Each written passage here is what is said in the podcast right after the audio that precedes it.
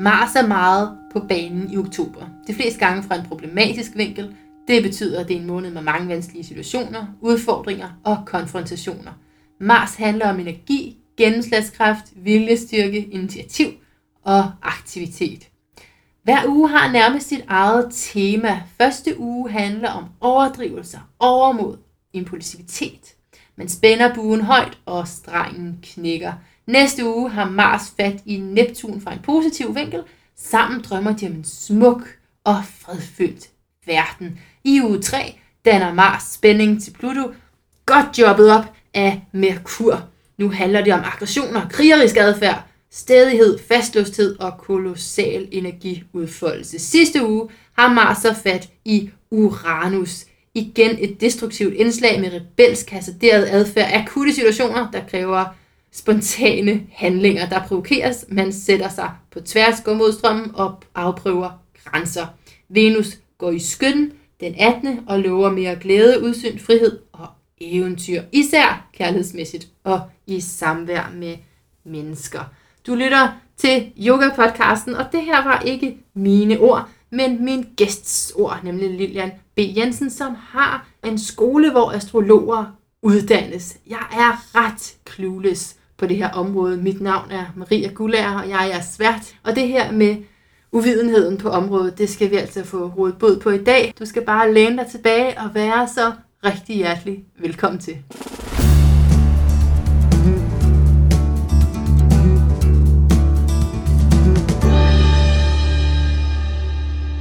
Udsendelsen i dag skal handle om astrologi, sådan helt bredt. For vi skal nok snakke om mange ting. Jeg sidder her med Lilian B. Jensen, som er diplomastrolog og indehaver af Irene Christensen Instituttet. Instituttet. Velkommen til Yoga-podcasten. Tak.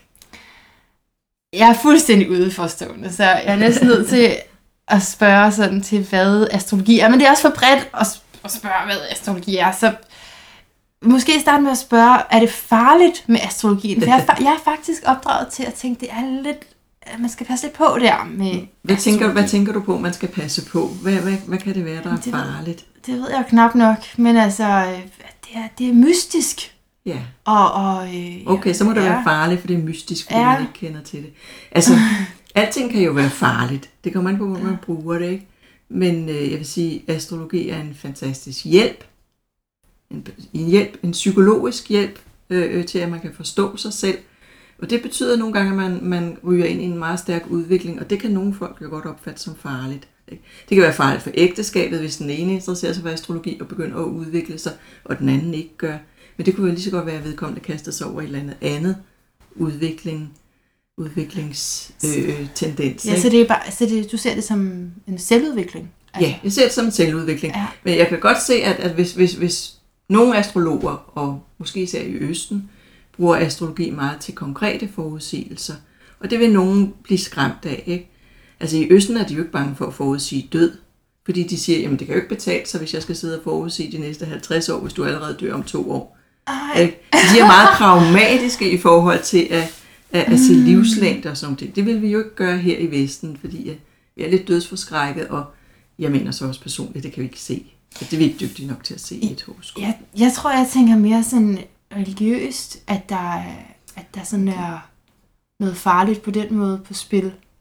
Nej, det, med de her altså, stjerner. Og...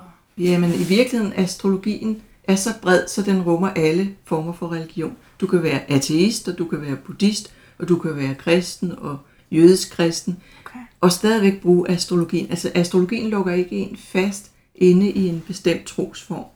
Hmm. Jeg vil sige, at du, du kan have svært ved at slippe den igen. Når først man har lært astrologi og har lært at bruge den, så går den ligesom i blodet, og, og, og så bliver du limet fast til den, så, så den er svær at slippe igen. Og det er selvfølgelig, fordi den er så brugbar. Mm. Så den, øh, men du, det er sjovt, for i horoskoperne vil du kunne se, hvis du er dygtig nok selvfølgelig, folks tro. Hvad er det, de tror på? Nej. Ja? Jo. Så, så, så, så astrologien beskriver jo egentlig bare no. mennesket og livet. Ikke? Uden ja. selv at, at, at have en, en, en, en dom på, om det er godt eller skidt. De kan se, om det er godt eller skidt for det her menneske, om vedkommende har konflikter i forhold til sin tro eller sine filosofiske eller politiske holdninger. Hmm. Men, øh, men det, det dømmer ikke selv. Det er beskrivende. Det er beskrivende, Ja. ja. lige præcis. Det er ligesom Ja. ja. et sprog, et symbolsprog.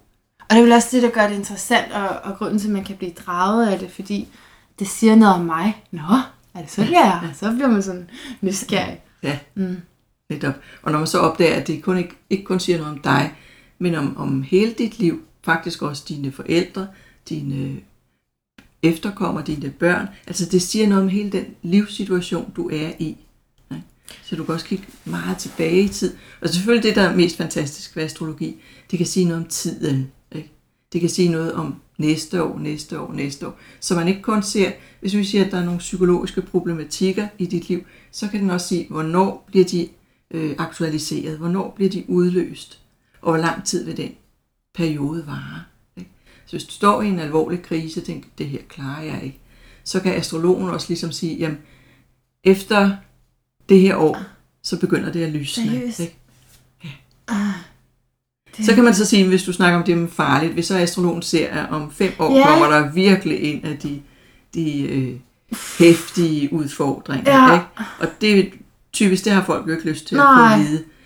Men hvis man er, hvad skal man sige, hvis man er rimelig afbalanceret, så vil det også være en hjælp at få at vide, at så kan man gå med Ah, okay. processen. Ikke? For i virkeligheden er konflikterne der er ikke for at ødelægge en, men for at modne en og Altså, udvikle en. så det er forudbestemt. Det er, det er Ja, lagt, lagt til ja. rette for os, hvad der Ja, skal ske. energien, energien øh, ikke det, der står ikke en øh, øh, øh, navn og adresse på, på, på, på planeterne, men der er en bestemt energi, ikke, som kan sige, om fem år kommer der den her type energi.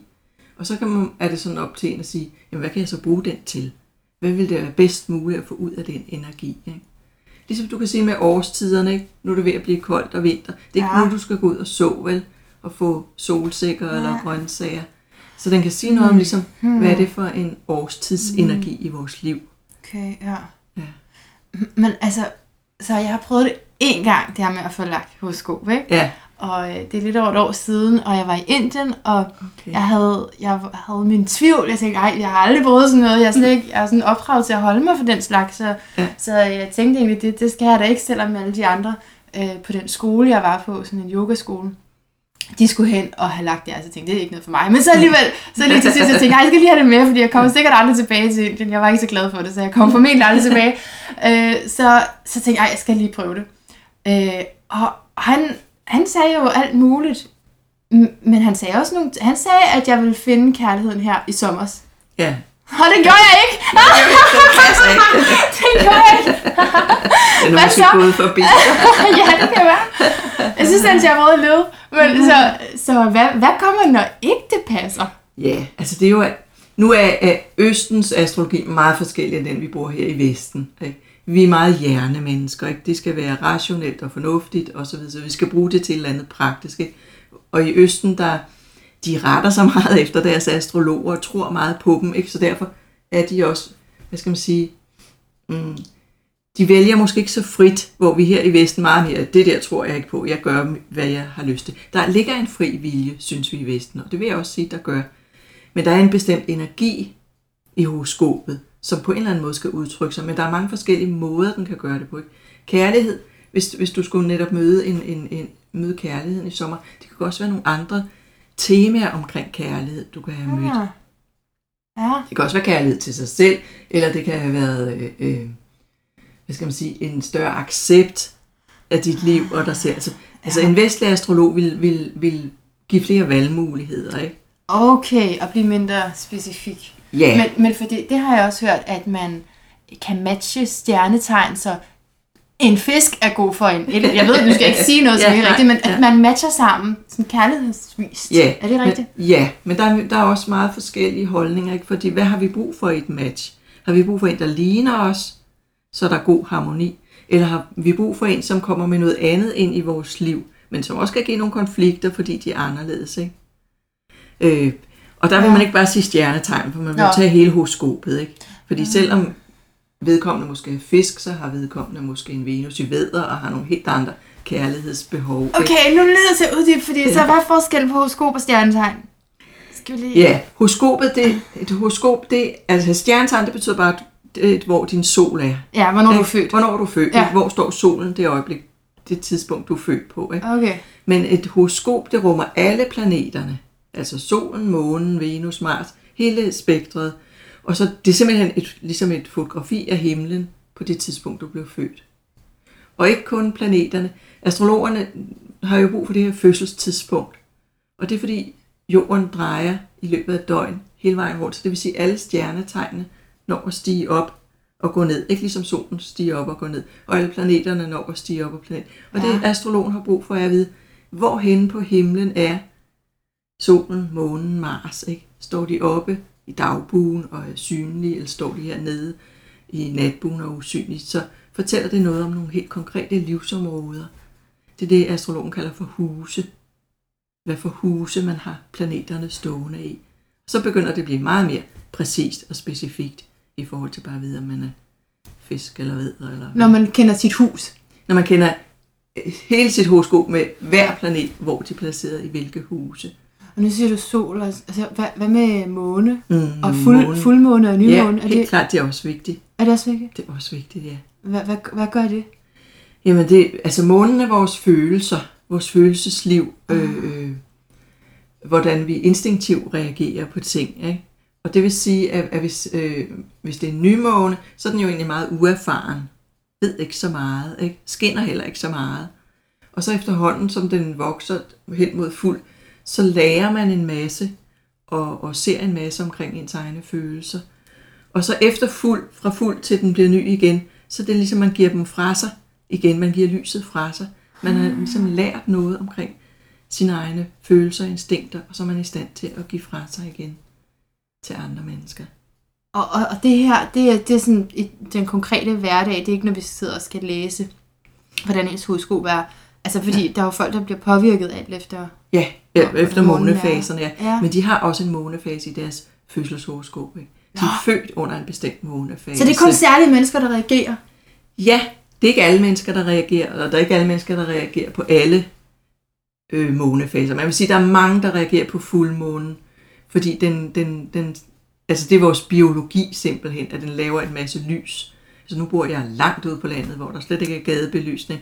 Og det vil sige, at der er enormt stor forskel fra nymåne. Der er buld og mørk, når jeg skal ud og tisse om natten. Ja. Ikke? Så, øh, øh, og når der er fuldmåne, fordi så kan du se, altså, så kan du se ret meget. Ikke? Og det er klart, det påvirker vores, vores krop, vores biologi, hvor meget lys, ligesom solens lys er så vigtigt for vores D-vitaminer og hvad det ellers er for hele vores liv. Så månen, det betyder meget, øh, hvor meget mm. lys månen giver fra sig. Mm. Men det, ja, det, det er vildt nok, ikke? At, øh, at, det har så, altså, om man mange af os i hvert fald, er ikke så opmærksom på, hvad det lige er, der gør, hvordan vi har det. Nej, altså der er mange, der oplever, at de kan ikke sove omkring fuldmåne, ikke? Mm. Altså så bliver der så meget uro, men det er simpelthen fordi, der er så meget lys, mm. der hjælper dig at have nogle sorte gardiner, et eller andet ja, til at lukke ja, lyset ud. Ja. Ja. Men, men ellers så er stjernetegn det, som beskriver en bestemt gruppe mennesker, som er født. Ja, det vil sige, det er solen, det er simpelthen deres sol. Fordi når du er født ja. et bestemt stjernetegn, betyder det bare, at solen står i det tegn. Og det er også vigtigt. Solen er det allervigtigste. Det er solen, det hele drejer sig om. Ikke? Og solen er vores identitet, vores indre øh, livsgnist, vores kerne. Hvem er vi som mennesker? Så derfor det er den vigtigste planet. Men det er jo, de, de, jeg synes nogle gange, så de er ret specifikke, de der øh, horoskoper, man læser. Så hvordan, hvordan kan man sige så meget om alle de mennesker, der blev født i marts? det kan wow. man jo heller ikke. Der er jo også mange, der siger, at øh, det passer ikke på mig. Men der er nogle ting. Det er klart, at hvis, øh, hvis man har solen i, i, i et bestemt tegn, og så nogle af de andre langsommere, for eksempel Pluto i øjeblikket står i stenbukken, og det vil sige alle, som er født i vægten, vederen, krabsen og stenbukken, med solen et bestemt sted, helt omkring midten af tegnet, mm. de vil opleve den her Pluto i spænding til deres sol. Så er det klart, at en soltegnsastrolog vil kunne sidde og fortælle noget om folk, der er født i det her tegn, at de har den her problematik Er det en kørende. særlig slags astrolog, soltegns? Ja, soltegnsastrologer, det er dem, som bare, eller bare, som, som netop skriver til aviserne og, og, og tolker kun ud fra soltegn. De ved ikke andet om det her menneske, end at de har solen i det her tegn. Okay. Hvor en, skal vi kalde det rigtige astrolog, det er lidt ja. groft sagt, ja, men hvor en, en rigtig astrolog arbejder med hele horoskopet, det vil sige alle planeterne og alle husene, øh, øh, og, og hvordan aspekterne er mellem planeterne, hvor stor afstand der er mellem planeterne. Så de har et, et meget, meget større billede at kigge ud fra. Men er det forklaring på, at de er så forskellige, de stjernetegn, horoskoper, man kan læse? Ja, for det kommer meget an på, hvad, hvad for metode de her soltegnsastrologer bruger. Der er også nogle øh, soltegnsastrologer, der bruger det, at de følger, altså hvis du for eksempel er veder, så har du solen i vederen, men så er Mars din herskerplanet, for det er en planet, der hersker over vederen. Så følger de Mars i stedet for solen, og siger, jamen, hvad har Mars lavet? Øh, har Mars lige været inde i nogle konfliktaspekter, jamen så har der ligget noget. Er Mars på vej ind i nogle konstruktive aspekter, så, så vil fremtiden bringe dit og dut og dat. Altså så, så de, nogle soltegnsastrologer fokuserer kun på solen, andre fokuserer på den planet, der hersker over, for så får de flere informationer. Hersker over? Ja, hersker over, det er et tegn. Ja, Ja, okay. så der er herskerskab, ikke? Ja, Udover at have solen i et tegn, så hver tegn har en planet, der hersker over den. og, og, og, så, og så kan man følge det Ja. og få et bedre liv. Kan man det? Vil du sige det? Får man et bedre liv, hvis man læser sit stjernetegn og Øh. får et råd, og så gør man det? Jeg vil sige, stjernetegn er ikke nok, et helt horoskop, men ja, så får man, Ja. så får man en, jeg vil ikke sige et bedre liv, altså for man får stadigvæk alle de lusinger, man skal have, men man får en bedre forståelse for, hvad er det, der sker, og man får også en mulighed for at udnytte de energier, der er. Ikke? Mm. Så hvis, hvis man ser, okay, i den kommende tid kommer der en stor krise på parforholdsfronten, ikke? så øh, øh, hvis man har et godt parforhold, så ødelægger det jo ikke parforholdet, men det kan betyde, at man kan få luget ud i alle de konflikter, der ellers er, og tage dem i opløbet. Ikke? Hvis man er den type, der siger, åh nej, det skal jeg ikke have kigget på, så håber det sig jo op, og så på et eller andet tidspunkt, så, så eksploderer det, hvis der er nogle, nogle uløste konflikter. Så astrologien kan være med til at kaste lys på, nu er vi inde i den her periode, de de her ting, der sker, dem bør du tage dig af.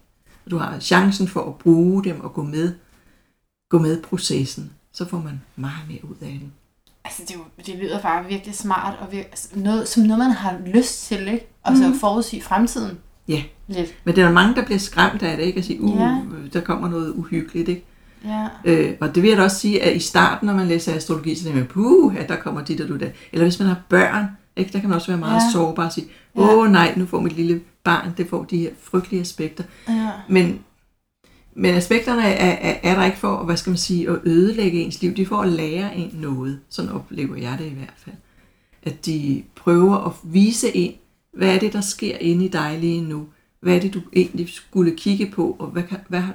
Men hvis man lukker øjnene, så, så slår de nogle gange hårdt. Ikke? Men og så kan man, altså så hvis det der med at lukke øjnene og fornægte noget, så, så ja. Tænker jeg, så skal man øh, gå til selvudvikling. Altså det, det. Ja. kalder du så også astrologien. Ja. Men jeg, for mig lyder det bare lidt som noget andet, fordi du, du kan ikke gøre lige så meget som i selvudvikling. Så kan du øh, arbejde på noget. Ja, Det så kan, er det 10, 10 trin, og så gør du det her. Og, ja, ja, for astrologi er ikke en terapi, vel? Nej. Men den kan fortælle noget om, hvad er det for ting, øh, du bør kigge på, eller hvad er det for nogle energier, der er i gang i dig i øjeblik. Og så kan man sige, så gå, gå til et eller andet meditation eller yoga, Ah. eller, eller og tage ja. op, så vil det være godt for dig at gøre, gøre de og de, de ting i den periode. Ikke? Mm. Men astrologien er egentlig øh, bare, hvad skal man sige, teorien om, hvad er det, der sker. Ikke? Så skal du selv ligesom sige, okay, men hvad kan jeg så bruge den her viden til? Og så gøre et eller andet i forhold til Så det. det er teorien om, og så siger du, hvad skal man bruge den viden til? Altså, ja. Så er det, er det teoretisk, eller er det sandhed? Altså, eller er der ikke forskel? Eller? Ja, hvad er, sand, hvad er sandhed, ikke? Jeg ved det ikke. Ja, for det, det, det der er problemet med astrologien, og det er også derfor, den får så meget kritik, det er, at den er så rummelig, ikke? så man kan få alt til at passe, hvis Åh, man tager alle åh. ting med. Ikke? Men, men den skal jo også rumme alt. Hele dit liv, ikke? alt hvad der kommer ind i dit liv, alle dine følelser, alle dine tanker, alt, øh, hele din potentialer. krop, alt potentiale, hvad som helst. Ja. Ikke? Ja, den skal rumme alt, og den skal rumme alle menneskers potentialer, tanker, følelser osv. ikke? Så det er op til astrologen, det er astrologen, der skal være dygtig og, og kunne skælne og sige, jamen, i det her tilfælde hiver vi den her viden ud af horoskopet. Fordi du kan hive alt mulig viden ud af horoskopet. Ikke? Så er det noget, man lærer? Er det lidt et håndværk? Altså at skulle sidde og se, nu snakker jeg med dig, ja. Ja. og lige præcis du har brug for det og det, eller hvad? Ja, det er et håndværk, og så er det selvfølgelig erfaring Ja. ja. efterhånden. Ikke? Man har nogle retningslinjer, Øh, men det er klart, at når man, når man, det er derfor, det er svært at tyde horoskoper, hvis ikke du har mennesket over for dig. Ikke? Fordi så siger du, hvad for en hylde skal vi ligesom hive, Ah. hive tydningen ned fra? Ikke? Men sidder mennesket der, så ved du allerede en masse. Gør, hvordan det? Du sidder på en bestemt måde, du har en bestemt oh, måde, åh. tøj på, farve på, ikke? Øh, der er lidt lyserød Venus indenunder, så der er måske en søgen efter kærlighed Ja. stadigvæk, og, og grå udenpå. Så, så Nå. du er et dit horoskop også i et udtryk, så jeg kan se planeterne, jeg kan se Saturn og Pluto og, og Venus Nej, i dig. altså simpelthen ikke? i det ydre. I det ydre, ja. Det er er da så fantastisk ved astrologien. Den, øh, det er et symbolsprog, så alt hvad du gør i dit liv, Ej. og hvor du ser ud, det symboliserer den her sådan, så, astrologi. Så du er egentlig dit horoskop. Jeg er mit Du horoskop. er dit horoskop, ja. Omvandrende. Så, omvandrende, ja. Og så er der spørgsmål om, astrologen er vaks nok til lige at fange det og tyde og sige, okay. Og selvfølgelig skifter du jo tøj og, og, og farvevalg og så Ja. videre, ikke? Så, så, så det er især dit nuværende horoskop, ikke? Dit øh, Ja. progressive horoskop hedder det, eller din transitter til dit horoskop. Der er sådan nogle lag, der kommer ind over dit fødselshoroskop. Ah. Så du er inde i en periode, hvor du har de ting aktiv, som, som dit tøj udtrykker. Men så nu siger det din erfaring, der har gjort, at du kan sådan vælge at vrage imellem det, der nu står Ja. i et horoskop. Øh, Hvad, hvad er det, altså, hvad er det, du baserer din erfaring på? Eller så har, har, nogen, har du gjort fejl? Ja, ja. Ja, Ja, ja. Masser af fejl. Jamen, det, det er klart. Man tager fejl. Ja. Ikke? Også fordi øh, astrologen har selv et horoskop og nogle bestemte briller og en bestemt type viden. Ikke? Altså, jeg ved noget om nogle ting, ikke? men der er nogle ting, jeg slet ikke ved noget om. Ikke? Og, og du har et særligt filter. Jeg har særlig filter, ikke? Der er nogle, og man tiltrækker sig også bestemt typer mennesker. Ah. Ikke? Øh, det er klart, for i ens horoskop er der også noget, der hedder andre mennesker. Ikke? Man kan se, hvad tiltrækker du af andre mennesker, af partner. Og, og så, så det vil sige, at ens klienter vil jo også være afspejlet i ens eget horoskop. Så der er nogle begrænsninger på, Okay, hvem, det, hvem kan man snakke med. Det er jeg nødt til at lige høre om det der, for jeg Ja. har lige lavet et øh, også program omkring øh, sådan et, et på engelsk, How to attract the right people into your life, ikke? Okay. Meget specifikt, hvordan gør man det? Ja. Så, så der siger du faktisk, at det er ikke noget, vi selv styrer. Øh, nej, ikke helt. Men som, som igen, det frie valg ligger i, du kan se, hvad er der for en energi, og så kan du ligesom plukke ud. Hvis nu vi siger, at, at øh, lige for tiden er der en stærk Mars, der har med andre mennesker at gøre, så vil du møde Mars, planeten Mars, i forskellige udtryk. Det kan være aggressive mennesker, det kan være meget driftige mennesker, det kan bare være rødhårede mennesker. Altså den har så mange forskellige facetter, af, af, af, den gør det på. Eller en du har brug for en Mars-energi, altså noget med at være selvstændig, noget med at være initiativtagende i forhold til andre mennesker. Så man kan sige noget om, okay, der er den her energi, hvad, for en, hvad vælger du mon ud fra den, eller vælger du hele baduljen, ikke? Hmm. Så det vil sige, at der vil være perioder, hvor bestemte typer mennesker kommer ind i dit liv. Og jeg vil se det som, at det er fordi, du har brug for den energi, de, de kommer med, for det er i dit horoskop, det sker. Og hvad så, hvis det er en dårlig energi, og det er noget, jeg ikke har lyst til at tiltrække? Ja, så altså, at du virkelig skal finde ud af, det er da klart, du har måske ikke lyst til lige frem at, at, at møde nogle aggressive mennesker, vel? Nej. Så, så om at sige, okay, hvad er aggression dybest set? Hvor kan jeg, hvor kan jeg gribe fat om det her, så det bliver en god aggression? Ikke? Hmm. Det bliver en god oplevelse med de her mennesker. Øh, En god aggression. Altså, ja, det kunne være at gå ud og fælde træer. Hvis man har brug for Nå. at være fysisk aktiv, ikke? Ja. det er også en form for aggressiv, hvis Ja. man skal rive et hus ned, eller der kan være Ja. mange ting, ikke? eller en konkurrencesituation, slås øh, øh, øh, øh, i overført betydning. Ikke? Så man kan sagtens man kan bruge det på forskellige planer. Ikke? Men det er klart, at hvis du tænker, åh, jeg vil så gerne have min drømmeprins, han skal komme nu, og så har du Mars' aspekter, så er det ligesom ikke det, der kommer, vel, så kommer der ikke den her drømmeprins. Så bliver du nødt til at sige, okay, tiden er til noget andet. Fordi jeg har Mars-aspekter. Sagde du Ja. det? Ja, fordi det er bare et eksempel, jeg Ja. hiver ind, ikke? og Ja. siger, at der er Mars lige i øjeblikket for dig, hvis der var det. Ikke? Ja. Så, det- så det er den energi, der er til rådighed. Ikke? Ja. Så det er simpelthen ikke muligt. Så er det ikke muligt, nej, at finde den her drømmeprins. Så er astrologen kan sige, jamen, okay, om tre år kommer han måske, så brug dog tiden på noget andet Ja. i den her periode, ikke? i stedet for at sidde og vente og vente og vente, og han kommer Jamen, ikke. Jeg vil styre, altså så det styrer, altså planeterne styrer jo så ikke mine tanker. Det ville altså være meget smart, Ja, hvis, hvis jeg bare tænkte i overensstemmelse med hele systemet. ja. Men det, på en måde er det jo også godt, ikke? for det er der, der ligger en form for frihed, ikke? at du ikke bare siger, okay, astrologien ved alt, jeg sætter bare ned og adlyder, ikke? men at du virkelig selv siger, øh, hvad skal man sige, den afspejler i virkeligheden, hvad der foregår inde i. Det er måske, det er netop der, den er mystisk, ikke? Øh, øh, der sker ikke noget i dit horoskop, som ikke allerede sker herinde. Den er bare en afspejling. Den er en samtidighed. Hvad der er udenpå, er også indeni, i. Eller hvad der foran er også forneden af det gamle ord om astrologi.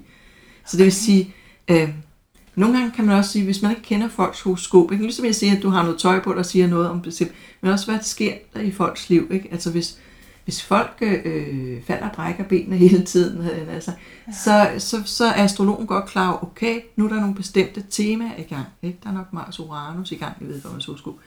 Så på den måde, så prøver livet at vise os, at der er de her bestemte ting inde i dig, som det er vigtigt at få, få ud. Ej, det er så spændende. Jeg er sådan helt, ah, okay, altså, så fordi det, det hører man jo tit om, at jeg også selv har været i sådan en periode, ikke, hvor der sker det ene oven på det andet. Mm. Og, og når der er nogen, som øh, døjer med noget, så døjer de også tit med et eller andet andet, altså fysisk. Ja. Yeah.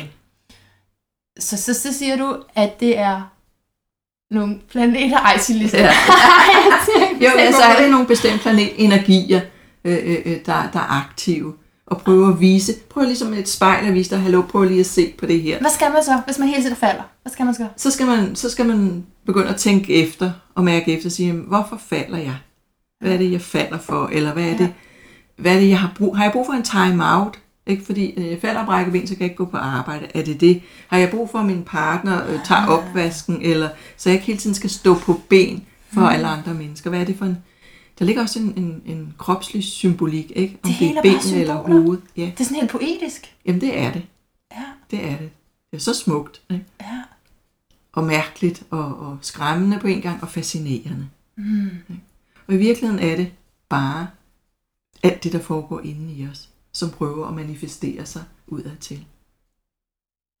Som vi godt kan styre. Som vi, ja, vi kan jo godt styre vores, vores, vores, vores følelser og vores tanker, hvis, hvis vi er bevidste om dem. Ikke? Ja. Det er spørgsmål om, jo mere ubevidst du er, jo nemmere har astrologen ved at læse dit horoskop. Ikke?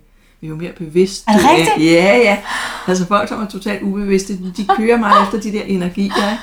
Men jo mere bevidst du er, jo, jo dybere skal du grave ned for at finde ud af, hvad er det så, hvad der egentlig sker. Ikke? Hvad, hvad, er det, altså, hvad er det sjoveste, når en person kommer med for nogle planeter og for nogle issues?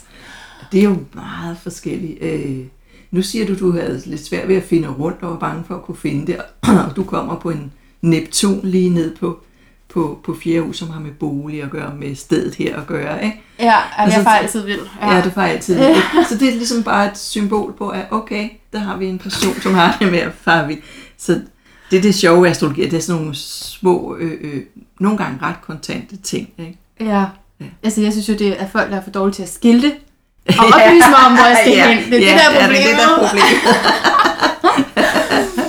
ja. ja. ja. Det kan jo være, du har brug for at fare vild, og ikke bare være i den der straight hjerne-mode, hvor man ligesom siger, ah, jeg skal der, jeg skal der, jeg skal der.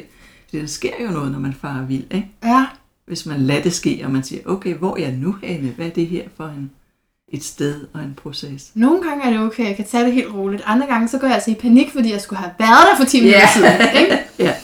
Og det bliver ved med ikke at være den dør. Ja. som jeg tager i. Ja. ja. Hmm. Okay, men i forhold til at snakke om det ubevidste, så kan jeg ikke lade være med at tænke på drømme, og det kunne jeg se, at mm. du også har beskæftiget dig meget yeah. med. Yeah. Drømmetydning. Ja. Øh, det, det var noget, jeg blev fascineret af for lang tid siden. Jeg tænkte, ej, nu kan jeg tyde drømme. Og, sådan, og siden der er det bare gået støt ned ad bakke, fordi jeg, ja, altså, det, det er jo ikke til at vide, hvad det betyder egentlig. Altså, Nej, hvis man vil have den der øh, igen vestlige tankegang, det skal være konkret og rationelt og så videre, for det er drømme jo ikke. Men ligesom med astrologien, det er symboler. Og det er nøjagtigt de samme symboler.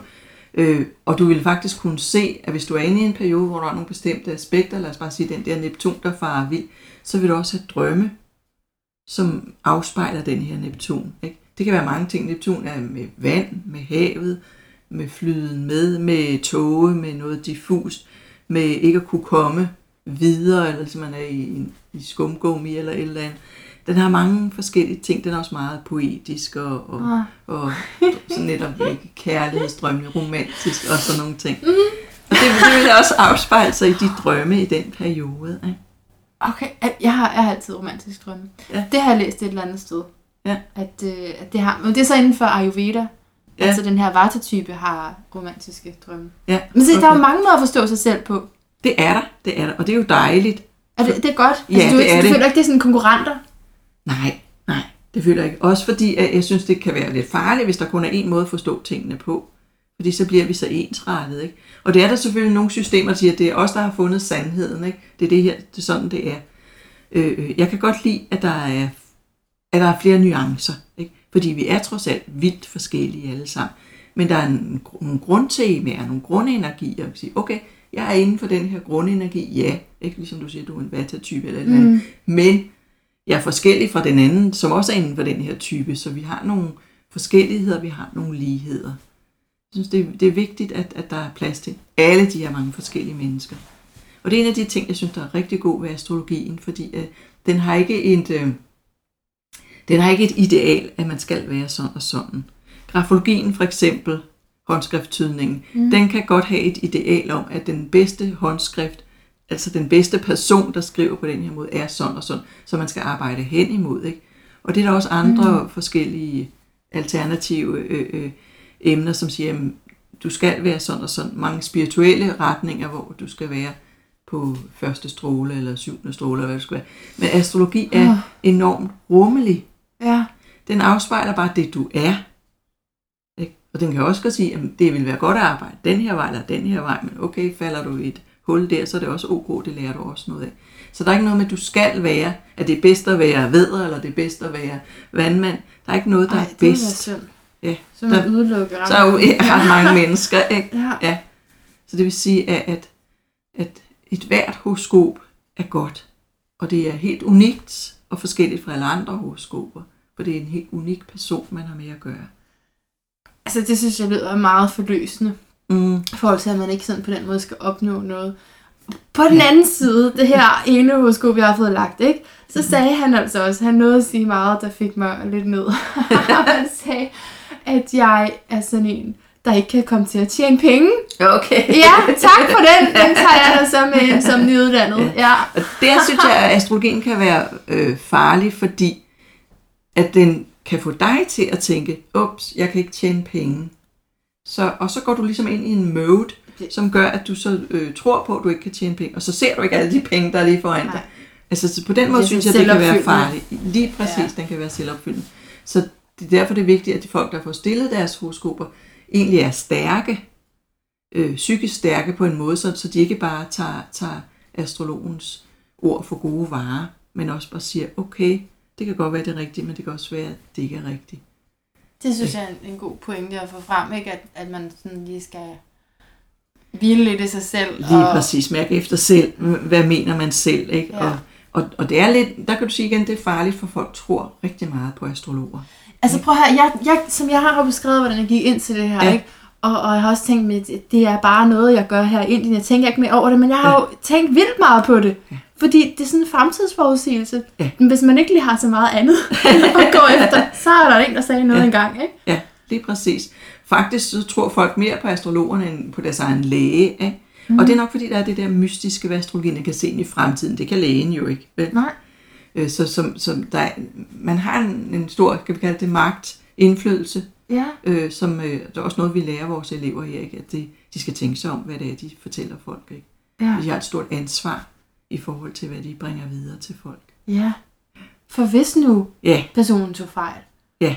Jo, lige præcis, ikke?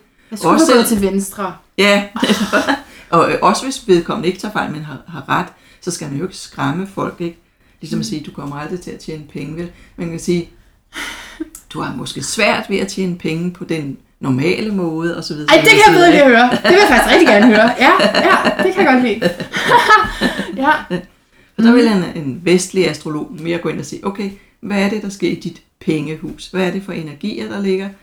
Øh, og, og, og hvor kan du få det bedst muligt ud af lige præcis det område i livet? Ja. Men du skal ikke læse astrologi, for der tjener man heller Nej.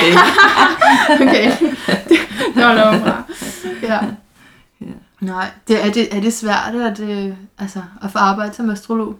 Ja, du er jo selvstændig. Du bliver ikke Mm. ansat nogen steder. Der er Nej. ikke nogen øh, pension. Der er ikke nogen... Øh, øh, Nej. der er ingenting, vel? Så du skal kunne klare, klare dig selv. Ikke? Der er nogle rigtig dygtige astrologer, der godt kan leve af det. Og så er der netop nogle blade, eller, og de har endda også svært ved det. Altså, der er ikke noget, der hedder mindste løn, vel?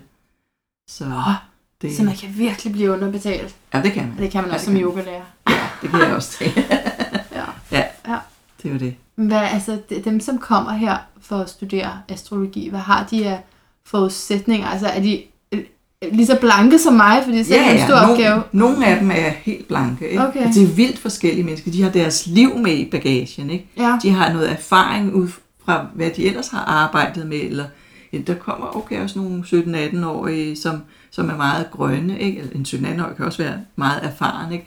Øh, Eller der kommer nogle op på, på 60-70 år. Ikke? De har jo hver deres liv i sig. Ikke? Og, øh, men til fælles er, at de måske ikke ved særlig meget om astrologi, eller slet ingenting. Okay. Så vi tager, vi tager dem i hånden fra, de ved ingenting, Okay. og så prøver at, at, at, at, at, at lære dem at forholde sig til astrologien og bruge astrologien. Ikke? Og så skal man læse en hel masse. Ja, eller bruge det. Altså man, man be, i virkeligheden, jo, altså alt det der astrologibøger, ikke? Ja, man behøver ikke at læse alle de der bøger, vel? Vi sidder i sådan et bibliotek her, øh, kig- kigger over på en hel masse bøger. Ja. Som giver sådan en god ro til rummet. det er Ja, rigtig rart det. egentlig. Og der ligger en masse viden, ikke? Ja. Ufattelig mange sider med viden. Ja. Men så meget behøver en elev ikke at læse. Faktisk behøver de ikke læse noget som helst. De lærer det, de skal lære, ikke? Men det er klart, at du får flere nuancer, hvis du læser nogle, nogle Ja. andre forfattere. Ikke? De når at få mange forskellige lærer herinde. Det er ikke den samme lærer hele vejen igennem. Så de når at få forskellige input. Ja. Øh, det kan jo frustrere nogen. Der er nogen, der gerne vil have, at, at der ligesom er en facitliste. At det er på ikke? måde, Det er ja. på en måde, Ja. og sådan er det. Og desværre, det er astrologien ikke. Nej. Det er, er, der er nogle retningslinjer, men der er også en frygtelig masse spørgsmålstegn. Ikke? Ja. Øh, men det bliver erfaring. Det er jo ikke et weekendkursus bare. Altså, der er Nej. nogle ting, du kan lære på et weekend. Det er en fireårig uddannelse. Ja. Det er ikke, okay, ikke mange timer, det er 25 timer per, per halvår, per semester. Ikke? Ja. Øh, men det, men det, er, det, det er ikke noget, man bare griber i Der løbet må- af et øjeblik. Nej, der, altså der må der virkelig være meget at læse i forhold til, hvor gammelt det er. Nu skal de spørge, hvor Ja. gammelt er det? Ja, Men gammelt, ikke? jo, rigtig gammel. Vi er tilbage til 2000 år før Kristi, ikke? så det er noget med 4000 år gammel, at man har, at man har evidens for det. Ikke? Ja, Og det er klart, i, øh, for så mange år siden, der var stjernehimlen jo totalt fascinerende, og det var den, der var kalenderen. Ikke? Du kunne se i forhold til, hvornår øh, fikstjernerne bevægede sig. Okay, nu er det ved at være forår, nu skal vi til at så. Altså det der med, hvornår Nilen oversvømmede landet omkring sig og blev frugtbart, det så de jo ud i forhold til, til hvordan stjernerne vandrede på himlen. De havde jo ikke nogen anden kalender. Nej. Så når du siger, okay, nu er solen ved at bevæge sig hen til den der fikstjerne, til Sirius, eller hvad det er, så er det tid til at, at, at, at, at så. Men det var særlige mennesker, der kunne det, ikke? Nej, jeg tror, altså, ligesom herhjemme i gamle dage ude på landet, der vidste bønderne ret meget om Ja, ja, vejret, ikke? okay. at i morgen bliver det nok regn. Ikke? Ja. De, kunne, de, de kunne kende tegnene på det. Ikke? Ja. Så hvis du, man er meget afhængig af at vide, hvornår øh, bliver det vinter, hvornår bliver det sommer, hvornår bliver det godt vejr, så havde det en, der var rigtig mange mennesker, der havde den viden. Men selvfølgelig var der så også nogen, der vidste specielt meget. Men så hvornår blev det til en, øh, en forholdelse til sig selv og sin, eget, øh, sin egen fremtid? Ja, det er, jo, det er jo ret sent, fordi det der med at, at at være et individ, det er jo kommet ret sent, fordi ja. Man var jo bare en flok, man var en klan, eller, og, og, og så kunne man stille horoskop for kongen, fordi han var leder af klanen, ikke? Og, og, og, og ligesom sige, okay, så kunne han, hans horoskop påvirke ligesom alle. ikke? Ja, klart. Så Ja. jeg tror, vi skal hjem af 1800-tallet, et eller andet, før man begyndte at tænke på, at man var et individ, og man havde et selvstændigt liv i forhold til andre. Ikke? ja. Og det, det godt kan betale sig at kigge på det, selvom man ikke Ja. er så betydelig. Ja, lige præcis, og det faktisk godt kan sige noget om også en ubetydelig person. Mm. Ja. Mm. Og jeg skal også huske at spørge dig til tarot, tarotkort. Tarotkort. At, og øh, altså, er det også inden under, hvad man ville kalde astrologi? Er det inden under den brede ramme? Altså, nej, altså astrologi, astrologi kan brede sig over det hele. Ikke? Mm. Astrologi kan...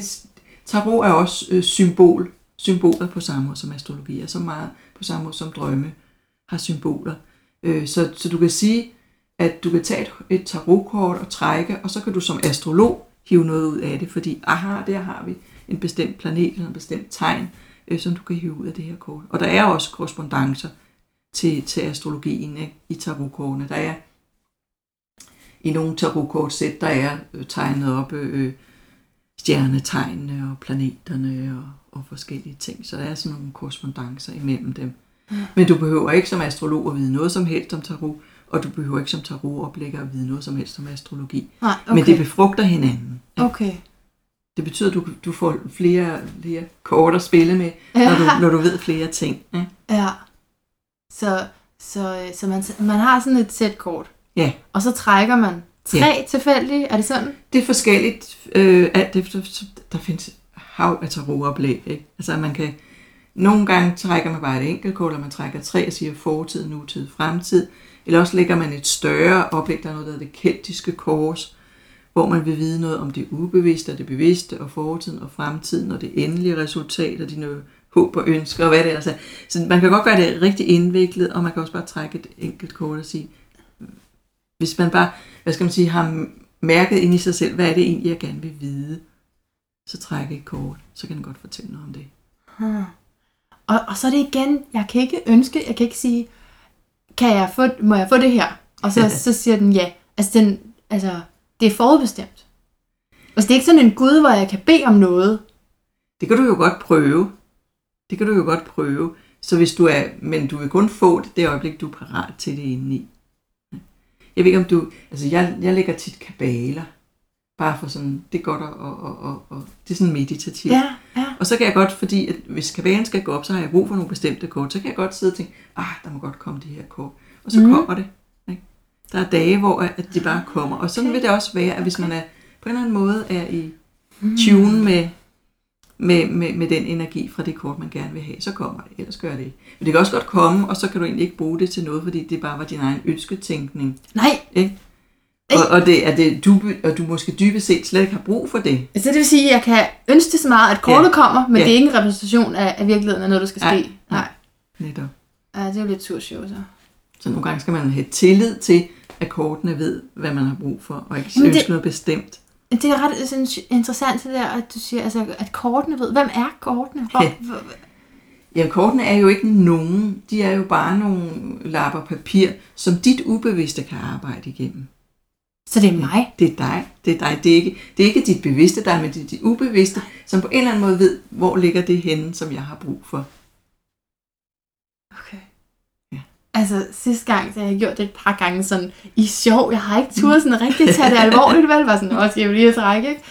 Øh, men, men sidste gang, så, øh, så trak jeg djævlen, Okay? og så blev jeg helt bange, fordi Ja. ja. så blev jeg sådan, nej, jeg skal slet ikke ud i det her. Men det er det samme, det samme som hvis folk siger, okay, de får Pluto-aspektet, ups, det er jo døden og alt Ja. muligt, og det vil også være svar til et djævlekort. Nå. Men det er bare en energi, og så er man ligesom må tænke, hvad kan jeg bruge det her til? Men selvfølgelig bliver man forskrækket, også hvis Ja. ja. du trækker døden i kort. Men, men, men både død og djævel, de fortæller noget om forvandlinger. Om at, at, at du har mulighed for at forvandle en energi ind i dig. Med døden, så er der et eller andet i dit liv, der er dødt, som det er på tide at begrave, så noget nyt kan gro frem. Ikke? Og med djævlen, det er noget med, at man er, bundet til et eller andet, man burde slippe de lænker. For hvis du kigger på kortet, så de der øh, mennesker, djævlen har i lænker, de, de er slet ikke lænket fast, de kan bare tage lænkerne af. Huh. Men de tror, de er lænket. Fordi det er deres, igen deres, øh, hvad skal man sige, deres mentalitet, der siger, uh, jeg kan ikke, eller jeg er, jeg... Så i virkeligheden, hvis man opdager det der lille hosa, de kan jo tage lænkerne af, hmm. så vil man selv have den erkendelse med sig selv, og man kan også godt tage sine egne lænker af, og slippe hmm. fri af den der besættelse, eller hvad det nu er, den djævel skal stå for i ens liv. Hmm. Men igen, det er bare et ydre symbol. Det er ikke et eller andet farligt, der kommer udefra. Det er et ydre symbol på, hvad der foregår inde i dig. Men fordi det er igen sådan, jeg er vokset op med at tænke, at det er noget dæmonisk med mm. de her kort, så det er Mm. noget levende noget, og det er altså i kontakt med onde ånder. Ja, Og det, Det abonnerer du ikke på overhovedet, Nej. eller hvad? Nej, det gør jeg ikke. Det gør jeg ikke. Det lyder som om, du har fået en kristen Jamen, opdragelse. der er også... Jamen, fordi, at, og ikke for at sige noget negativt om kristen, men, men, men, men mange kristne er, er, er, er, har en, en, en stor angst, som de så projicerer ud på sådan nogle ting, de ikke forstår, eller som de ikke mm. kan have styr på, ikke? som de ikke kan sætte ind i nogle regler og sige, nu gør vi sådan og sådan. Men øh, i virkeligheden er det livet, der er derude, de er bange for livet. Ikke? Og det er jo, det er jo synd. Der er Mm. mange gode kvaliteter ved, ved kristendommen, men der ligger også en, en, en der ligger mange domme, mange fordomme. Mm. Og det er synd. Mm. Det burde forenes med noget af den der fordomsfrihed, der ligger i buddhisme for eksempel. Ikke? Og hvis man Ah. forenede det med kristendom, det ville være fantastisk. Ja, jeg synes også, jo mere jeg læser om andre religioner, jo, altså, var der bare mange smukke ting. Ja, Alle mulige steder. Ja, Ja. så man skulle tage det smukke for hver en Ja. religion og forene. Ikke? Ja, Det meget eklektisk tilgang. mm. Men så, så på den måde, så, så tror du ikke på ånder. Jo, jeg tror også på ånder, men, hmm, Det er ikke det, der styrer. men jeg tror, Eller- ånderne, jeg tror også, ånder er, er øh, også positivt stemt. Altså Ja. jeg vil sige, jeg vil mene, at ånder er, er, er afdøde. Mm. Og der kan godt være nogen, der er døde i frustration, og altså de der, sådan, hvor, hvor der er, spøgelser, der går igen. er det nogen, der er frustreret over et eller andet, der skete inden deres død, eller omkring deres død, eller noget, de ikke har fået gjort færdigt, så de ligesom hænger fast i. Ikke? Men jeg tror ikke, de vil dig eller mig noget ondt. Øh, øh. Og jeg tror også, der er ånder, som er rigtig positive, nemlig folk, vi har kendt, som kommer ned for at klappe os på skuldrene og sige, jamen det er rigtigt, det du gør, du går den rigtige vej, eller hjælper os på en eller anden måde. Så jeg tror, ånder, ånder Mm. simpelthen er, er afdøde mennesker, som stadigvæk huserer lidt her på jorden. Men så ifølge astrologi, hvad sker der så, når vi dør? Det kan astrologien egentlig ikke se Okay. noget omkring. Den kan se noget om, om fødslen og hele vores liv. Øh, øh, der er astrologer, som øh, mener, at vi kan se forskellige inkarnationer. Sige måneknuden, hvor kommer vi fra, og hvor går vi til. Men vi kan jo virkelig ikke vide noget om det. Nej. Men det er så sådan en typisk vestlig tankegang, som jeg ligger under for ikke at sige, jamen vi ved jo ikke. Vi kan forestille os en masse ting efter døden, men vi ved, vi har ikke bevis. Vi har ikke nogen, noget konkret at gå efter. Nej. Så hos, horoskopet, astrologien, fortæller meget om det her liv. Hvor er vi nu? Det kan jeg sagtens sige, at vi har slæbt noget med os, hvor det så er fra. Ikke? Øh, og, og vi er på vej et eller andet sted hen. Men ja. Om det er det her liv eller næste liv, det kan vi sådan set ikke Ja, for vide. det, det troede de i hvert fald også i Indien, at det var, fordi jeg havde været sådan og sådan i et tidligere liv. Og så står Ja. man jo der, så er jeg jo magtesløs. Ja, det kan jeg kan ikke gøre gøre, ved. hvad der er sket, og jeg kan Ja. åbenbart heller ikke påvirke fremtiden. Nej, så du er bare paralyseret. ja, simpelthen. Ja. Jeg vil sige, noget af det, der er spændende med at fortid gå før, det er ikke øh, tidligere liv, men det er tidligere generationer. Altså det har man jo også opdaget, at øh, hvis du kender sådan noget som med familieopstillinger, øh, øh, det er en psykologisk metode, ikke? Mm. at man opdager, at, at, man bærer rundt på øh, fortidige generationers øh, oplevelser. Hvis der har været en traumatisk oplevelse fem generationer tilbage, så kommer efterkommerne og bliver ved med at bære rundt på dem, indtil det på en eller anden måde bliver forløst og erkendt. Altså fordi man, nå, jamen altså, Altså, så det det har ikke man noget jo- kendt. Det er ikke fordi man husker det. Nej, nej, fordi det er så lang tid tilbage. Og nogle gange ved man det ikke engang, fordi man ved ikke, hvad der er sket i, i, i ens tipoldemors liv. Ikke? Hvorfor skal jeg bære rundt på sådan noget? Det gider jeg da ikke. Nej, det synes jeg også, det er unfair. Ikke? Ja. Det må, må ligge i generne på en eller anden måde. Ikke? Man ved, at, at, at, at, at, at, generne bliver påvirket, når man bliver udsat for, for, for traumer. Og så på en eller anden måde bliver det givet videre. Wow. Det har man oplevet med i de der øh, familieopstillinger. Ja. Den der erkendelse af, ups, der var en tip oldemor, øh, som måske begik selvmord eller et eller andet. Ikke? Og som har påvirket hele slægten. Og når man får den erkendelse, ups, så forsvinder det ligesom. Så, så det, er- det er mønsterbrud på, på et helt... Ja, på flere generationer. Ja. Det synes jeg er rigtig spændende. Og der vil man kunne se noget af det i horoskopet. Altså, der er et tema. Øh, og især hvis man så selvfølgelig har horoskoperne for længere tilbage for de personer. Og se, oh, der er et mønster, der går igen. Der er et mønster, der det ville være dejligt at slippe af med. Ja. Okay, jeg er nødt til at spørge dig til dit eget horoskop. Hvordan er det, kan du læse? Altså, kig, Jamen- læser du hver dag? Ikke hver dag, nej. Det gør jeg ikke. Indimellem får jeg tjekket efter og, og se, hvad der er. Men man er jo meget subjektiv med sit eget. Ikke? Ligesom du siger, er man det. ønsker, at et bestemt kort skal Ja. komme, eller, Ja. man, så, så, eller hvis man ser på sine børn, så kan man sige, ej, det må betyde sådan og sådan. Ikke? Altså, som, det er svært, når det er nogen, man kender, fordi Ja. ja. man er meget subjektiv. Ikke? Men selvfølgelig kan man godt se nogle overord, og især er det så godt at tilbage ud, ikke? at sige, hvor fanden skete det her lige? Ikke? Og så, Ja. ja. så, kan man, så kan man se det. Men at se frem og sådan ønske et eller andet af, Det kan man Det ikke kan rigtig man gøre ikke for sig rigtig. selv. Nej, Går du det så til andre? Jeg har haft gået, Ja. ja. men øh, det gør jeg ikke mere. Nej. Tjekker efter. Og så havde man for eksempel kunne lytte til sine drømme i stedet for, ikke? Fordi Ja. at de, de kommer jo, når man er ubevidst. Når man sover, så kommer der nogle ting frem, man så kan sige, okay, er det mm. det? Faktisk gør vi noget andet, lidt skørt lige for tiden, at øh, vi læser kaffegrums. Min, min mand drikker øh, formiddagskaffe, Ja. ikke? og der kommer, fordi det er her stempelkaffe, kommer der sådan en masse grums. Ja. Så siger vi, okay, vi læser kaffegrums hver eneste dag, ikke? og så sådan ser, hvad der er. Og det er jo også lidt sjovt, fordi det er, det, det er symboler, det er billeder, man ser en elefant, eller man ser et eller andet, og så prøver at sige, okay, har det jo noget med den her dag at gøre? Ja. Så det er også en måde, at man kan tyde fremtiden, om man må sige. Ikke? Men igen, Ja. ja. symbolbilleder er selvfølgelig svært at sige, jamen, hvad betyder Ligesom med drømme, det, hvis du drømmer noget, hvad kan, hvad kan Men, det men egentlig altså betyde? det der kaffe, det, det kan man også øh, læse om præcis, hvordan man gør. Det kan Fordi jeg prøvede en gang med sådan en fra, jeg tror hun fra Slovakiet, Ja. øh, men problemet var, at jeg kunne ikke forstå, hvad hun sagde. okay. Så hun ville, gerne- hun ville gerne læse det der, og jeg forstod så, at det var det, det var. Ikke? Det var det, vi Ja. var i gang med, at hun skulle læse min kaffe. Eller, og jeg kunne virkelig ikke lide kaffe, så det var, sådan, Ja. det var virkelig en høflighedsting, at jeg fik det ned der. Ja. Øh, men så jeg kunne ikke forstå, hvad hun sagde. Nej. Men der er en videnskab. Eller, Ja, altså, vi- ja, netop. ja, en Ja. Jeg tror, der er dem, som gerne vil have den videnskab, de kalder det også tas, tasiologi.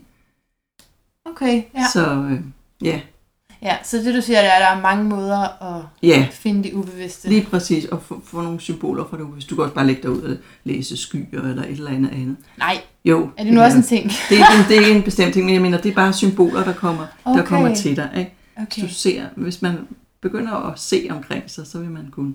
Ligesom astrologen ser astrologi alle vegne, ikke?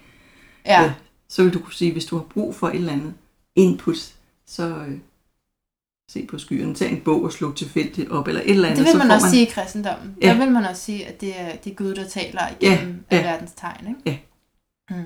Men er det så sådan, at hvis man for eksempel er fisk, som jeg jo lige tilfældigvis er, øh, så drømmer noget bestemt, og ser noget bestemt i alle de her tegn, fordi så er man jo alligevel fanget.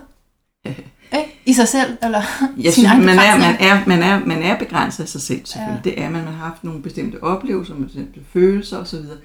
Men jeg vil sige, alle fisk drømmer jo ikke det samme. Men fisken er knyttet til drømme, bortset fra det, ligesom planeten Neptun er knyttet til drømme. Mm. Og 12. hus fisk, 12. hus og Neptun, de har noget med hinanden at gøre mm. i, i horoskopet. Så det vil sige, men der kan, en, en øh, vædder kan jo også have en stærk Neptun, og derfor drømme meget. Ikke? Men så kommer der en lille vædderimpuls ind også. Men du kan jo have alt muligt andet. Du kan måske månen i vædderen, som så gør, at dine drømme er både fiske- og vædderagtige. Ikke? Men det er jo typisk, at man... Det er jo i perioder, man drømmer, så man vil gå ind og se, hvad sker der lige nu i dit horoskop. Er der noget, der kommer ind til den der fiskesol, og, og, og viser nogle... at der er nogle energier oppe lige nu. Drø- Drømmer man ikke hver nat? Jo, det gør man. Det er ikke Ja. altid, man husker det. Men, men, men hvis man opøver sig til at huske, så kan man huske op til 5-6 drømme øh, per nat. Men hvornår, altså, er nu snakker vi om tider. Er det Ja. bety- af betydning, hvornår man husker det? For jeg, kan, jeg den anden dag, så kunne jeg bare lige pludselig om eftermiddagen huske, at jeg havde drømt, at jeg druknede Okay. om natten. Altså kunne Ja. jeg pludselig huske det. Hvor, hvad, hvorfor, er det ikke mærkeligt? Jo, så har der været et eller andet i løbet af dagen, der har aktiveret det. Ikke? Altså det er typisk, der er et eller andet, der sker noget, som minder en om det. Ikke? Ja, Altså det, det er jo svært at sige, om hvor, hvor, hvad for en periode den vil gælde for, men den vil fortælle dig et eller andet. Ikke? Den vil fortælle dig, at du er ved at drukne i et eller andet. ja. Er der et eller andet, der overvælder dig? Eller... Jeg kom op igen, og Nå, så havde, godt. så havde de alle sammen glemt mig. Okay. Ja! Okay, så må du lige høre, jeg blev skubbet i, ikke? Jeg blev Ja, skubbet okay. i noget, og det er noget af det værste, for jeg kan ikke dykke. Så, jeg, Nej. men, altså, men så overgav jeg mig nede i det her vand. Overgav mig bare til døden, tænker jeg, det var bare. Ja. Fordi jeg kan ikke at kæmpe ud, så overgav jeg mig. Og så kom jeg op igen, Og så er der nogen, jeg kender, som jeg ikke ved, jeg kender, men dem, altså, dem kender jeg i drømmen. I drømmen Ja. kender jeg jo bare det her, og Ja. de kan ikke huske mig. Okay. Og så, og så kan jeg ikke huske mere. Og det er bare sådan en eftermiddag, jeg pludselig kommer i tanke om det. Er det ikke mærkeligt? Men der, der er sikkert noget, der lige har udløst. Måske netop nogen, som ikke kan huske noget, du har sagt eller gjort eller noget. Så Ja. klart, så aktiverer det det, du har. Ikke? Men, men drømme, altså det er ret vigtige ting, drømme fortæller os, hvis, hvis vi lytter. Ikke? Fordi det er helt uden filter, når vi sover. Ikke? Det er virkelig det ubevidste, Men der hvordan kommer. gør man så det? Hvordan gør du selv det? Altså sk- skriver du ned, og så prøver sådan analytisk at tolke på det? på vestlig tankegang, men ja, i perioder, ikke? Altså jeg havde, dengang jeg øh, øh, øh, var højgravid, ikke? Øh, der skulle jeg op og tisse så mange gange om natten og sådan nogle ting, ikke? Og så havde jeg jo lige drømt, og der havde jeg virkelig sådan, fordi jeg har, har arbejdet med drømme så længe, så begyndte jeg straks at analysere, mens jeg gik ud og tissede, analysere den, hvor jeg sagde, og så kunne jeg ikke huske den næste morgen, ikke? for nu var den jo analyseret færdig, slut. Øh, Så var den øh, helt væk? Så var den helt væk. Den var ikke til at hive op igen. Det var ret irriterende. Wow. Men det, så det vil sige, altså i perioder er det fint at analysere, ikke? og i perioder skal man give slip og bare lade dem være, og, og okay. nyde drømmene. Og, sige, og hvis de så lige pludselig siger, hey, det kunne være, det har noget med det her at gøre, så er det jo fint. Ikke? Altså, Men hvis man har brug for, hvis man har brug for ligesom at komme videre med et eller andet, man går og spekulerer på noget, eller man har nogle konflikter eller problemer, så er det en god idé at, at sætte sig ned og sige, "Mm, hvad er det? Hvad er det? Hvad er det for nogle personer, der er i drømmene? Kender jeg nogen, der ligner dem? Eller det er jo alt sammen ens selv i virkeligheden. Ikke? Hvad er det for en del af mig, der gerne vil drukne? Hvad er det for en del af mig, der vil overgive sig? Og hvad er det, jeg skal overgive mig til, og så jeg kommer op til overfladen igen? Og sådan. Ja. Øh, men man skal, jeg synes, man skal også passe på med bare at lade hjernen analysere alting. Ikke? Også vel fordi, at man kan blive meget opslugt i sig selv. Mm. Og det er vel ikke et specielt behageligt liv, hvis man hele tiden bare har øjnene på sig selv. Hvad sker Nej. der i mig selv? Alt Nej. handler bare om noget inde i mig selv. Hele Nej. solsystemet er inde i mig selv. Ja. Der er meget så selv. ja. Så det er klart, i perioder har man brug for, ikke? Det, det er ligesom, når man trækker vejret, ikke? Øh, det kender du jo også på yoga. Man har brug for den indadvendt, og man har brug for den udadvendt. Man har Ja. brug for at fokusere på sig selv. Og så det, man så har oplevet, kan man så dele med andre, eller lytte til andre, og så får man nogle oplevelser, der ligesom kan uddybe nogle, nogle relationer. Så det er vigtigt også at se på sig selv, men det er vigtigt ikke at blive der. Ja. Det er vigtigt også at, at relatere til andre mennesker, til livet omkring en. Så. Og det er også vigtigt ikke bare at være derude på de andres præmisser, men også lytte til sig selv. Og, og især som fisk, der har man det jo meget med at, at være på de andres præmisser og flyde med, hvor ja. Strømmen går hen. Der er det også vigtigt, at man siger, okay, men jeg har brug for at, at lige lukke døren og, og være mig selv og mærke efter. Mm. Mm. Det, kan- det kan godt være sådan lidt intimiderende, ikke? At snakke med en, der ved så meget. men, men kan man godt have den følelse, ikke? At, Jo. der, at du ved alt muligt. Ja, ja, så kommer sådan Ja. alt for meget ind på folk. Det er lidt farligt at møde sådan en. Ja. Du har øvet dig i at tyde mennesker, kan man sige det? Jamen, det kan man kunne sige. Det er det at tyde mennesker. Jeg Ja. har beskæftiget mig med det i over 40 år, ikke? så ja. der er jo ikke noget at sige til, at der, der ligger rigtig meget viden og erfaring. Og der er stadigvæk en masse huller og en masse... Altså, det er det gode ved astrologi. Du kan blive ved og opdage ting. Hello, det kunne man også. Og, og genlæse bøger, man læste, da man øh, startede. Jeg kan sige, hov, så er der også det her lag. Altså, man Ja. kan blive ved, Ja. ved og ved og ved og ved. ja. Og Det det er faktisk svært at slippe. kan jeg genkende fra yogaen. Altså, Ja. Og jeg kun har oplevet en lille fraktion Ja. i forhold til, hvad jeg kan læse, der også er, ikke? Ja, Mm. der er mange lag. Der er Mm. mange lag livet. Det er jo dejligt, man kan have nogle interesser eller livsveje, som, som rummer så meget. Ja, fortsætter. Og er- er der noget, du er særlig inspireret af? Nogle bøger, som, som virkelig har åbnet det her for dig? Ja, altså jeg er rigtig glad for den psykologiske astrologi. Øh, og sådan en øh, astrolog, som hedder Liz Green. Hun, øh, hun er Jung-analytiker mm-hmm. også, og astrolog. Hun er virkelig. Øh, og hun kan også sige det på en enkel måde. Jeg vil sige, nogle af hendes bøger er utilgængelige, fordi det er for, øh, øh, For viderekommende? for at viderekomme. Ja, hun, er- der kan man se, at hun også er akademiker, og jeg, jeg har virkelig svært ved at læse akademiske skrifter, fordi der er så mange ord, der er overflødige. ikke? Jeg vil godt ind til essensen i det. Men hvor hun, hun har især skrevet nogle sammen med en anden, mere praktisk astrolog, Howard Sasportas. Og de to sammen, de får simpelthen ting til at ske. Ikke? Der bliver en, en særlig dynamik i deres øh, viden om astrologi og psykologi. Det Mm. synes jeg er fantastisk. Okay, men nu siger du faktisk lige noget, jeg lige skal nå at spørge dig om, Ja. i forhold til kemi. Så, så vi, vi har talt lidt om det der med, at man kan ikke helt sige, at det er vædder og de her Ja, vægt, som så passer sammen i stjernetegn. Mm. Men er der alligevel noget med, nogen man har bedre kemi med, også bare som venner? Altså, Jamen det er helt klart. Man vil bare ikke se det i stjernetegnet. Man vil tage hele horoskopet, så er der noget, der hedder syvende hus, som har noget at gøre med parforhold og relationer til andre mennesker. Og det er, det er jo ens eget horoskop, som det er, hvad, hvad har man selv behov for, men også hvad man møder. Og hvad man, har stående over i det der syvende hus, hvis der står nogle planeter, eller det tegn, der står derovre, det fortæller noget om, hvad er det for relationer, man søger. Ja. Så man skal ligesom vide, fødselstidspunktet fortæller en. har du noget at skrive med? Ja. Fordi jeg tænkte, at øh, jeg lige ville slutte af med, at, øh, at du skulle se min håndskrift. fordi, øh, fordi øh,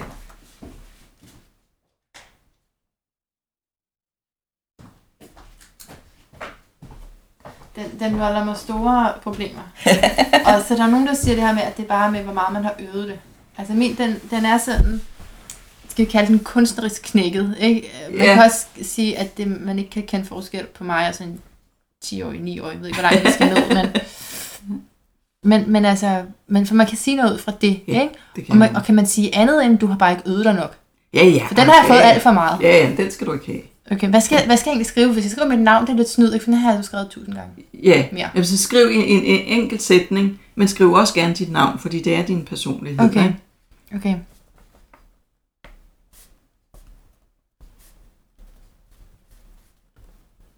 Og så navnet.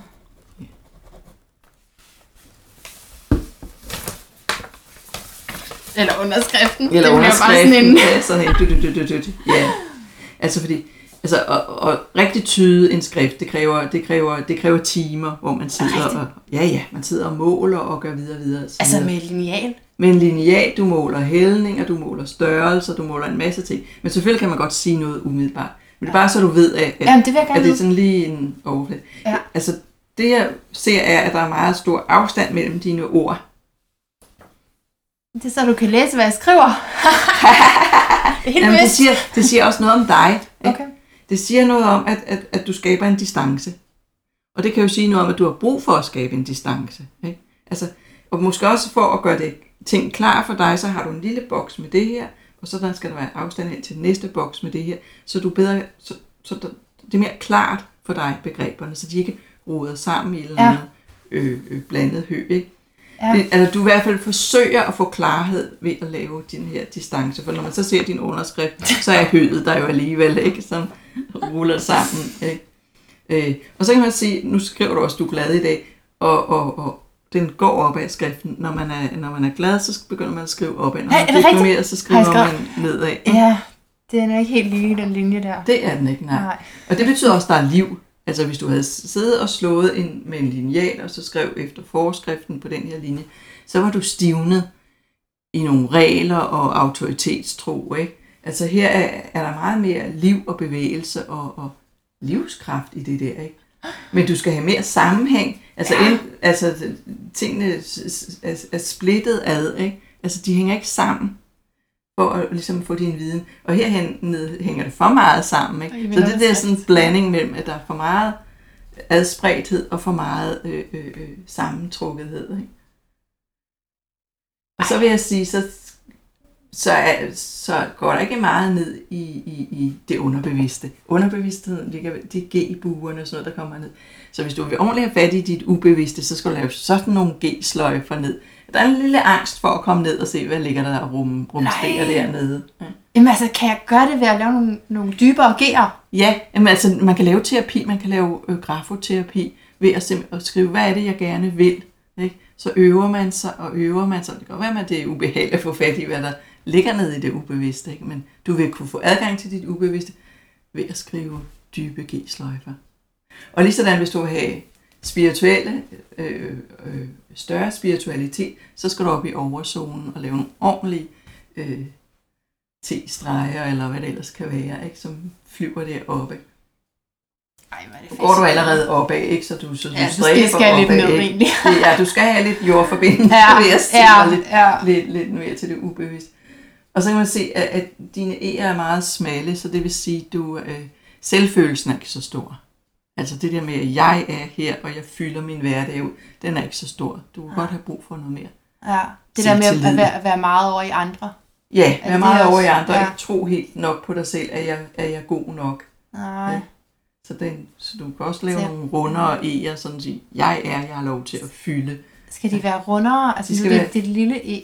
Ja, det er et lille E, ja. Ja. men du kan se, det, det, det er nærmest kun en streg. Ja, det Ja. kunne godt ligne et I også. Ja, det kunne det, så du, du, du, du omslutter ikke dig selv. Okay.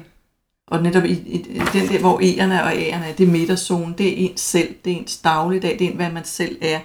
Og dermed også selvfølelsen, hvor er jeg, har jeg lov til at fylde. Aha. Så Og, og, og, til- og det har ikke, altså vi spørger lige igen, det har ikke noget at gøre med, hvor mange gange man har øvet sig. Nej, der kommer altid dine personlige, altså selvfølgelig er, er øvelse godt, ikke? men det, der vil altid komme din personlighed ud igennem skriften, om så du har skrevet hver eneste dag 20 timer. Ikke? Altså, der kommer nogle små signaler til, til grafologen, som siger, okay, det er det her, det drejer sig om. Ikke? Ej, det er så fascinerende. Det Ja. synes jeg godt nok.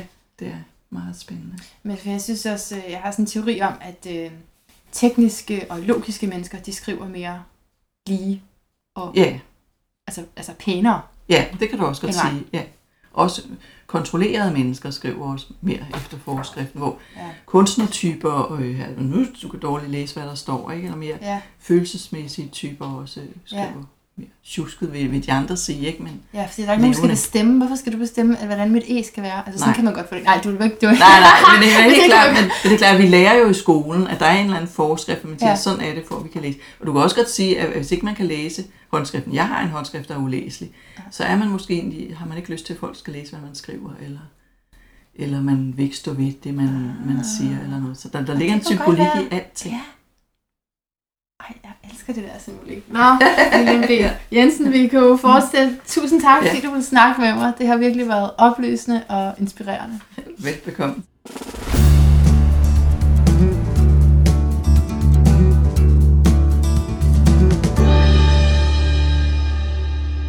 Og tak til dig, fordi du lyttede med. Yoga-podcasten er ved at være slut, men du skal lige have det sidste med. For den 15. oktober, der har jeg og en anden sindssygt dygtig yogalærer med mange års erfaring i at undervise en workshop, hvor du er inviteret. Og jeg håber, at du øh, finder begivenheden på Facebook. Den skulle ikke være så svær at finde. Og øh, tilmelder dig allerede i dag. Så skal vi lige høre horoskopet for den 15. oktober. Det er meget passende. Det er nemlig rebellen, der skal luftes. Prøv at høre her, hvad Lilian B. Jensen skriver. Man er på tværs for enhver pris. Sætter selv sin egen dagsorden. Ingen skal blande sig. Man ønsker at være fri, ubunden og selvstændig. Man går sin egen vej. Ønsker ikke at indordne sig fælles regler eller normer. Man tilpasser sig ikke. Man vil være anderledes. Man vil ikke sættes i bås. Det kan komme til kollisioner mellem forskellige ideologier eller grupperinger. Og tonen kan altså blive meget skarp. Det lyder ret hårdt, så jeg synes i stedet for bare, at du skal komme til yoga workshop med mig. Jeg håber, vi mødes i virkeligheden, og indtil da, så skal du like Facebook-gruppen. Nej, ikke Facebook-gruppen, Facebook-siden, som hedder Yoga Podcasten i et ord. Beklager forvirring på det område. Ha' det godt, til vi høres ved.